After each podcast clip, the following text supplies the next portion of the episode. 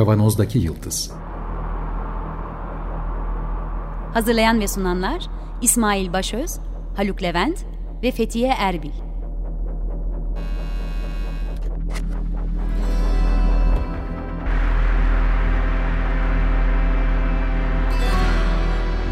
Bugünün penceresinden geleceğin ayak izleri.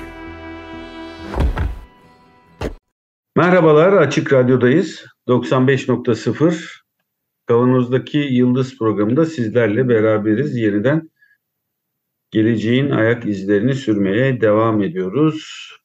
6 Şubat'tan beri programlarımızı kimi zaman Altın Saatler programıyla paylaşarak e, daha çok deprem ağırlıklı sohbetlere ayırmıştık.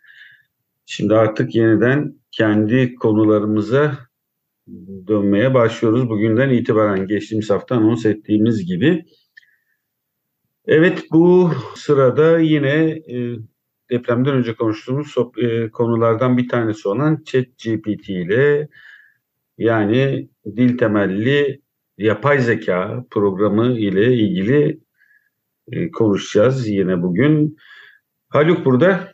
Merhaba. Ben İsmail. E, Fethiye bugün katılamıyor. Yoğun işleri nedeniyle ona da selamlarımızı iletelim e, buradan. Evet, GPT-4 de çıktı Haluk. Ee, yeni versiyonunu çok hızlı çıkardılar. Aslında bu, bu yapay zeka CEO'larından bir tanesi 2033'te hedeflediğimiz noktaya 2023'ün sonuna doğru geleceğiz galiba. Öyle görünüyor dedi. Neymiş ee, o? İşte daha ileri bir dil modelli yapay zeka, linguistik model yapay zeka diye e, söyleyelim. Çok hızlı ilerlediklerine dair bir söz söyler. Daha geçtiğimiz Kasım ayında diye yanılmıyorsam ChatGPT e, sürümü piyasaya girmişti. Şimdi GPT-4 ismiyle olmuş bir şekilde ve galiba abonelik ya da parayla satılarak Evet ben baktım ondan biraz daha iyi performans olan bir başka şey var. Şimdi ismini unuttum dinleyicilerden özür diliyorum ama Fethiye bulmuştu onu da o yüzden aklımda kal- kalmamış. Orada aylık 12 dolara 6000 kelimelik bir şey veriyor. 18-19 dolar olursa 20 12 bin kelime oluyor falan böyle bir kelime bazlı şey Eskiden var. Eskiden telgraf vardı böyle ya. E bu işte kelimesi para olan bir haberleşme cihazımız evet, vardı eskiden. Öyle. Şimdi tabii burada enteresan olan şey şu algoritmik düşüncede bir keskinleşme var. Yani o algoritmayı e, bayağı etkin hale getirmişler belli ki. Ben örneklere baktım. Örneklerde gördüğüm kadarıyla e, şey yapıyor. İşte bir makale survey diyebileceğimiz bir şey yap diyorsun yapıyor. Ondan sonra işte hiç Java bilmediği halde Java programı kullanarak bilgisayarda bir oyun aplikasyonu yani o Amlist işte yılan oyunu vardır ya onun gibi bir aplikasyon yazdıran olmuş. Bir kısaca gireyim mi senin söylediğine bir şey kalmasın arada. Ee, şimdi bunu yaparken hiç bilmediği halde nasıl yapıyor kısmını e, yani konuya çok tanıdık olmayan dinleyicilerimiz için şey söyleyeyim. E, bu yapay zeka modelini yaptığı şey yazılı bütün dijital ya da dijitale yüklenmiş, e, normalde de olup dijitale yüklenmiş bütün dokümanları işte programları, program kodlarını, edebiyat ürünlerini, işte bilimsel çalışmaları hepsini izleyip buradan aldığı o geniş, akıl almaz büyük bir data havuzundan bunları derleyip sorulan sorunun cevabını verebilecek şekilde bir araya getirebiliyor. E, bunu yaparken de e, tekrar hatırlatalım nasıl biz mesaj yazarken telefonlarımız düzeltme veriyorsa yani bundan sonra gelecek kelimeyi kestirip onu yerine koyuyorsa bu mantıkla da çalışan bir dizi yapıyor. Yani hiç bilmediği halde Java'dan bunu yapabilmesi sebebi bunun örneklerini alıp işlemesiyle. Burada pardon bir düzeltme yanlış anlaşıldı herhalde. Bilmeyen program değil, bilmeyen e, o programı kullanan şahıs. Yani ben mesela Java programlama e, yapmayı bilmiyorum. Ondan sonra ama tarif ediyorum. Diyorum ki bana şöyle bir program yaz. Onu işte biraz detaylı bir tarif yapmak gerekiyor elbette. Onu Java programa haline dönüştürmüş. Ya da işte şeyde kullananlar var. Programcılar kullanıyorlarmış. Ee, bir programlamada işte diyelim ki binlerce satırın olduğu bir program düşün yazıyorsun. Çalışmıyor. Yani bir yerde bir hata var. Ya da birkaç tane hata var. Onu debug işlemi deniyor. Yani hatayı e, hatadan arındırma ya da hatayı tespit etme. Onu yapabiliyor falan. Ee, bu tür bir sürü benzer uygulama örnekleri var web sayfasına girdiğin zaman. Şimdi bu bütün bunlar süratli ve okuyana anlamlı gelen. Yani işte bir survey yap dediğin zaman survey fena olmayacak bir şey. Yani böyle bir cümle yazdığında işte onu oradan yola çıkarak bir paragraf yazabiliyor falan filan. Ama senin dediğin mantıkla yapıyor. Yani bir anlam peşinde koşarak şey yapmıyoruz. Aslında bu açıdan çok enteresan bir sosyolojik vakaya da dönüştü. Çünkü burada bir ikiye bölündüğünü söyleyebiliriz. İkiye bölündü demek biraz abartılı olur ama bir kısım geniş, yaygın ve bu işin popüler tarafını e, tüketmeye meraklı bir grup arkadaşımız. Bunlar çok iyi yetişmiş. Belki o alanda bizden daha donanımlı insanlar da olabilirler. Bunlar aha işte yapay zeka şöyle şahane böyle şahane. Bunun kendisinin bizatihi öğrenme kabiliyeti olan bu öğrenme üzerine akıl yürütme neredeyse kabiliyeti olan bir zeka olarak adlandırdım. Fakat tabii şimdi ikimiz de farklı kanallardan aynı neredeyse benzer zamanlarda fark ettik.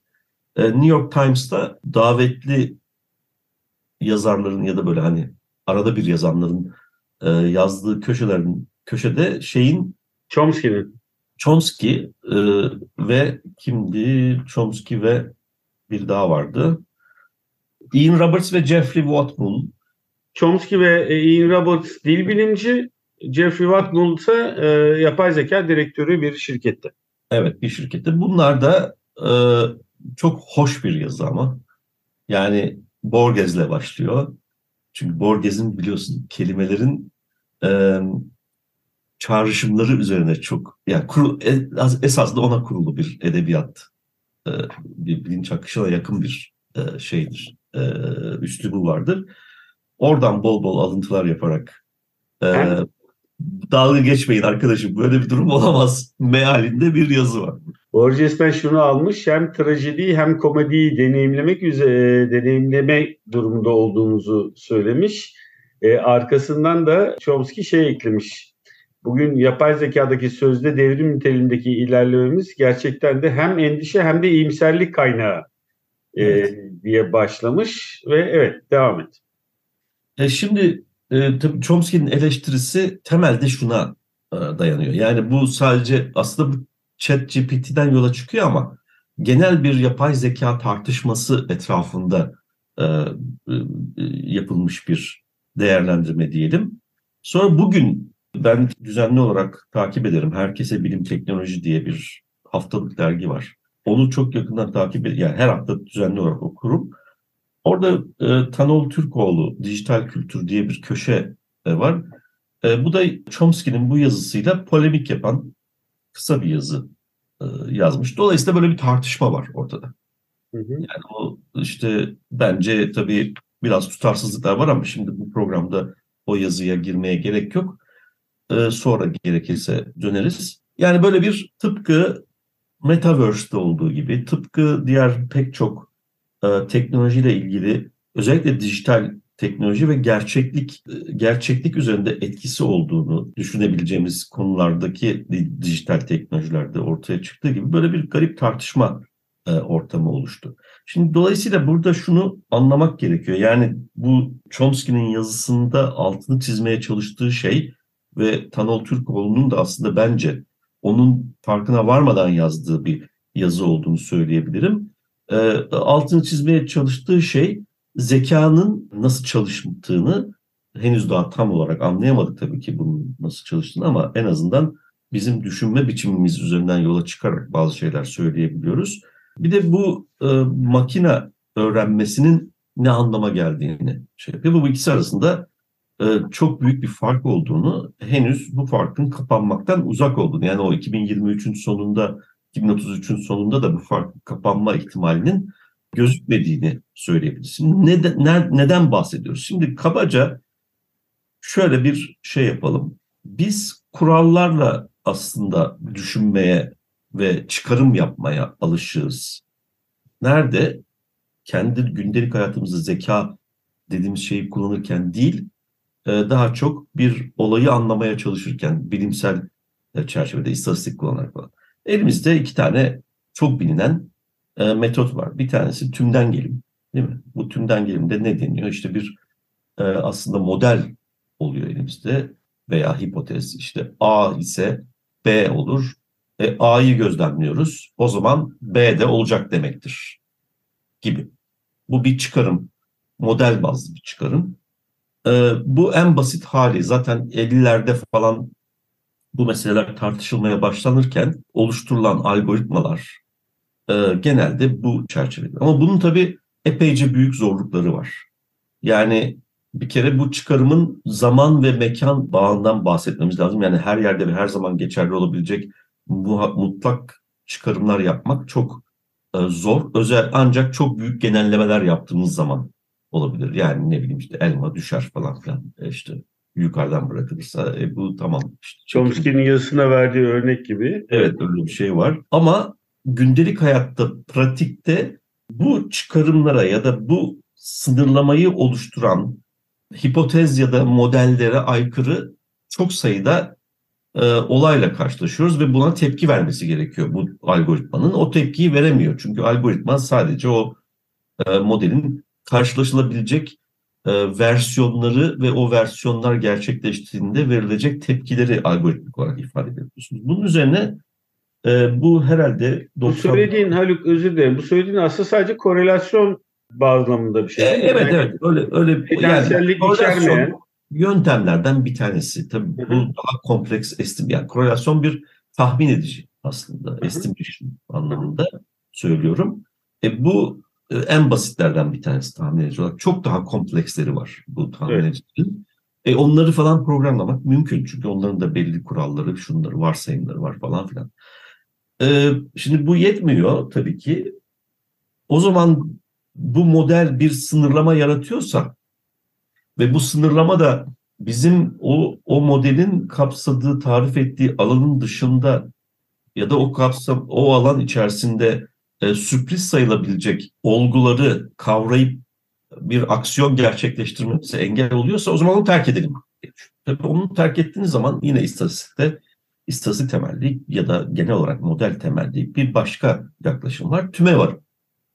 Yani tümden gelim bir model ve açıklamayı önsel olarak kabul ediyor. Sonra verilerle onu işte şiddetini ve yönünü e, şey yapmaya çalışıyor. E, tüme varımda ise bir model yok başlangıçta. Masif bir şey var. Veri seti var elimizde. Bu veri seti içerisinde patern yani yapılar aramaya başlıyoruz. Örüntüler aramaya başlıyoruz. Örüntü daha doğru kelime o. Örüntüyü bulduğumuz zaman da o örüntünün sonucunda bir sonraki adımda ne gerçekleşebileceğini tahmin etmeye çalışıyoruz. Şimdi bu tıpkı mesaj yazarken bizim karşımıza çıkan öneriler evet, gibi aslında. Evet, bu bizim uzun zamandır istatistikte zaten e, bildiğimiz işte Bayezyen yaklaşımdır yani sonuç itibariyle. Bayezyen yaklaşımda bir gözlemlerimiz vardır. Bu gözlemlerden bir öncül, prior dağılım oluşturursun. O dağılım parametrelerini dikkate alarak sonrasında da ki ona işte öğrenme periyodu diyoruz. Sonrasında olayların hangi örüntüye bağlı olarak gerçekleşeceğini test edersin. Çünkü önden saptamıştın onu sonra test edersin. Ondan sonra da kestirim aşaması ya da prediction aşaması dediğimiz öngörü, forecasting ya da bu zamanına bağlı olarak yani e, gerçekleşmiş bir olayı tahmin ediyorsak kestirim diyoruz. E, ama model çerçevesinde şuysa bu diyorsak ona öngörü diyoruz. Prediction ve forecasting anlamında söylüyorum. Bu, bu ayrımları da yapmak zorundayım. Çünkü İngilizceler e, birbirinden farklı dört tane kelime var. Bizim Türkçe'de bunu üç kelimeyle e, karşılıyoruz. E, zamana bağlı yani gerçekleşmemiş bir olayın nasıl gerçekleşeceğini tahmin etmeye biz kestirim diyoruz forecasting karşılığı olarak. Bir model çerçevesinde o modelin açıklayıcı değişkenlerine bir belli değerler atayıp ona bağlı olarak ortaya çıkacak olan değişkenin değerini öngörme işine yani prediction'a öngörü diyoruz. Bir modelin parametrelerini tahmin etme işine estimation, tahmin diyoruz. Ama biz aynı zamanda tahmini guess yani e, herhangi bir model olmaksızın yani bizim günlük dilde kullandığımız tahmin ya bugün yağmur yağacak ya da işte bu elmayı bırakırsam ben yere düşecek falan gibi şeylere de e, tahmin diyoruz. Bu ikisini ayırmamız lazım Türkçe'de aslında. Belki de ayrılmıştır da ben bilmiyor olabilirim kavram olarak. Ama dört tane şey var sonuçta. Şimdi bu ikinci aşama yani tüme varım aşaması bir açıdan büyük bir imkan tanıyor. Çünkü işte geniş bir veriyi kullanma falan filan ama oralarda bir sürü e, problem söz konusu. Çünkü sonuçta veri varsa bu verinin kendisi de bir kısıt yaratıyor aslında.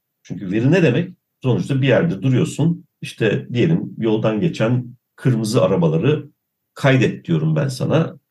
Sabah 8'den akşam 8'e kadar. Sen kaydediyorsun.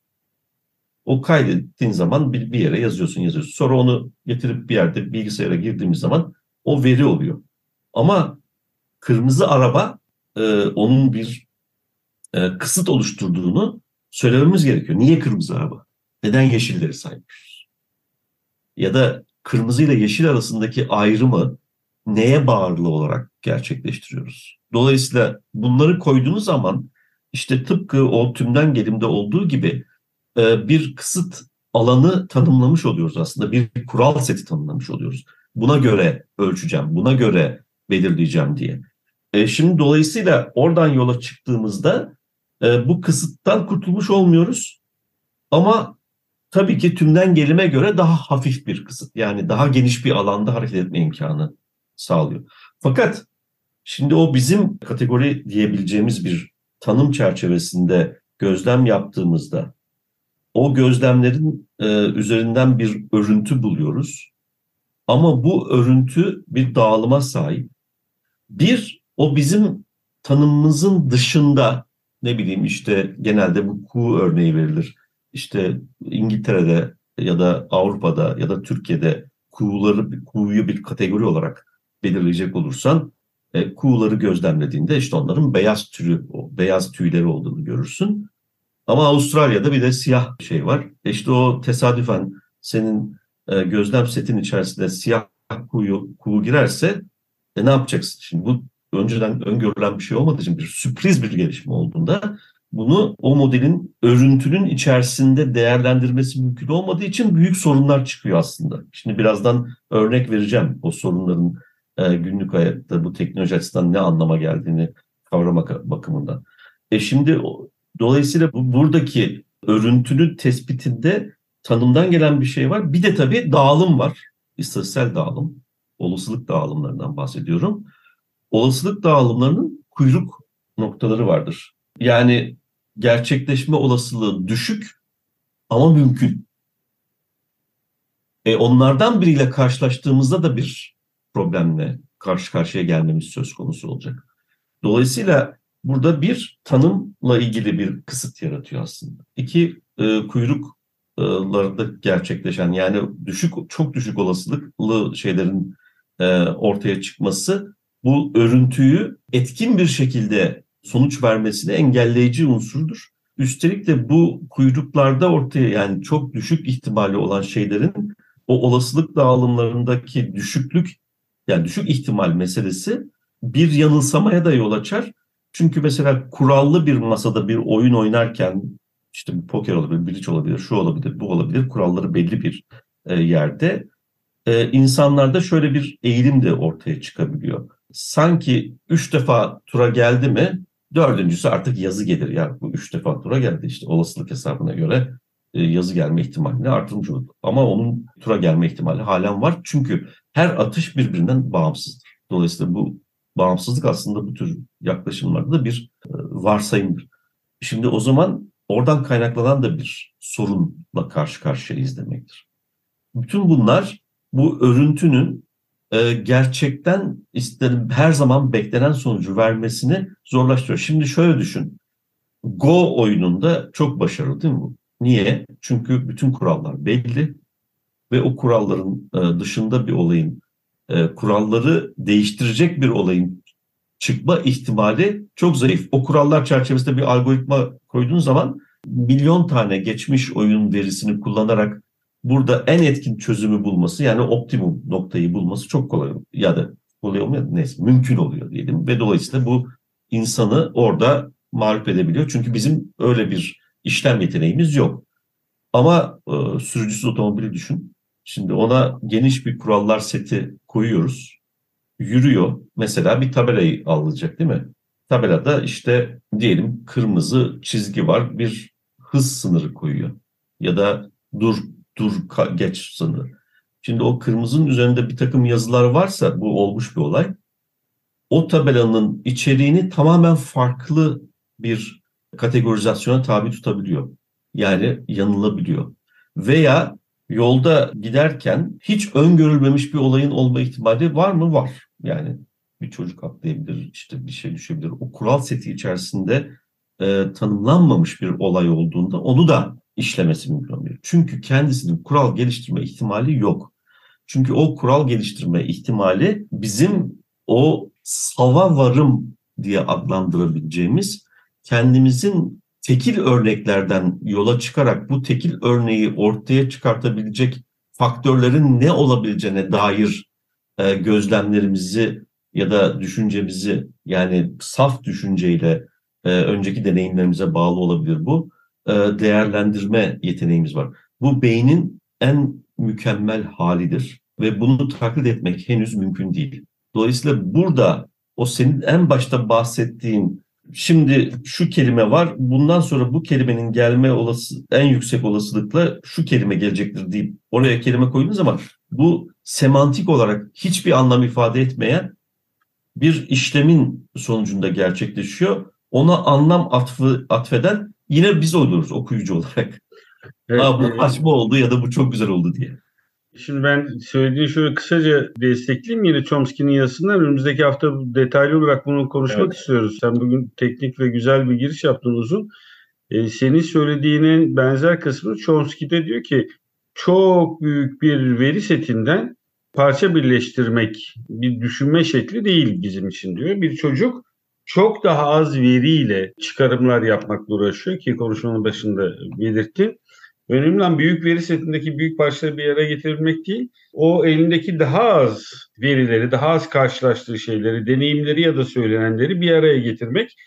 Ve burada aynı zamanda da açıklayıcı bir yani olayın açıklamasıyla ilgili. Ne söyledin? Elmanın düşmesiyle ilgili. Ya abi bir, bir yer çekimi olmasaydı bu düşmezdi herhalde. Ee, ya nasıl bir şey olurdu soruların peş peşe geldiği bir düşünme sistematiği var ama bu ChatGPT'de bu e, yapay zekada bu tür bir düşünce sistematiğinin olmadığını çok kabaca bir önce e, söyleyeyim. Daha derin derin de sohbet etmek istiyorum bu konuda. Evet. Önümüzdeki haftaya kadar. Yani bir, bir bu Chomsky'nin makalesi üzerinden gidebiliriz. İki insanda yani yaratıcılık dediğimiz şeyi tarif ederek bu işin. Çünkü evet. yönetileme, Ondan sonra e, benzerlikler kurarak çeşitli şeyler e, çıkarımlar yapma. Bunlar hep yetenek ve bu yeteneklerin e, algoritmik olarak ifade edilmesi şu anki bilgimiz çerçevesinde mümkün değil. Bu aşılmadığı sürece de zaten o yeni kural koyma ve yeni durumları kural setinin içerisine dahil edip ya da kural setini de mesela kaos kaosun içerisinde bir düzenden bahsedebiliriz ama e, türbülans barındıran bir e, düzen varsa o aslında zamana ve mekana göre kural setinin değiştiğini gösteren bir şey. Şimdi o zaman onu nasıl alacağız? Biz bunu algılayabiliyoruz çünkü zekamızda işte o bahsettiğin tekil örnekleri tek değerlendirip genellemeler yapma, eğretileme, benzetmeler yapma gibi imkanlar var. Evet, önümüzdeki hafta biraz daha Chomsky'nin ve arkadaşlarının yazdığı makale üzerinden düşünme sistematiğiyle karşılaştırarak devam edelim. Bu arada bu makaleyi bana bir sabah radyodaydım. Heyecanla Ömer Madra geldi. Bak dedisinin içinde buldum dedi. Yeni çıkmıştı o gün makale. Fakat e, deprem programları yüzünden yaklaşık 10 gündür yapamadık, konuşamamıştık. Aynı sırada da sen bulmuştun. Evet. Peki. Ee, senin arkana da ışıklar yanıp sönmeye başladı. Yanılmıyorsam program bitti anlamına gel- geliyor bu. Işıklarda işaret veriyoruz. Eskiden hani hadi kalkın gidin diye e, kapatılan bir takım mekanlar vardı. Onun gibi oldu. ChatGPT konuştuk. GPT-4 e, çıkmışken gerek GPT-4'ten gerekse içeriğinden e, tartışmalarıyla beraber e, önümüzdeki haftada sohbet etmeyi planlıyoruz. E, bu programın size ulaşmasını sağlayan bütün Açık Radyo çalışan arkadaşlara çok teşekkür ediyoruz. Program destekçimize keza çok teşekkür ediyoruz. Önümüzdeki hafta e, tekrar görüşmek üzere. Hoşçakalın. Görüşmek üzere. Hoşçakalın.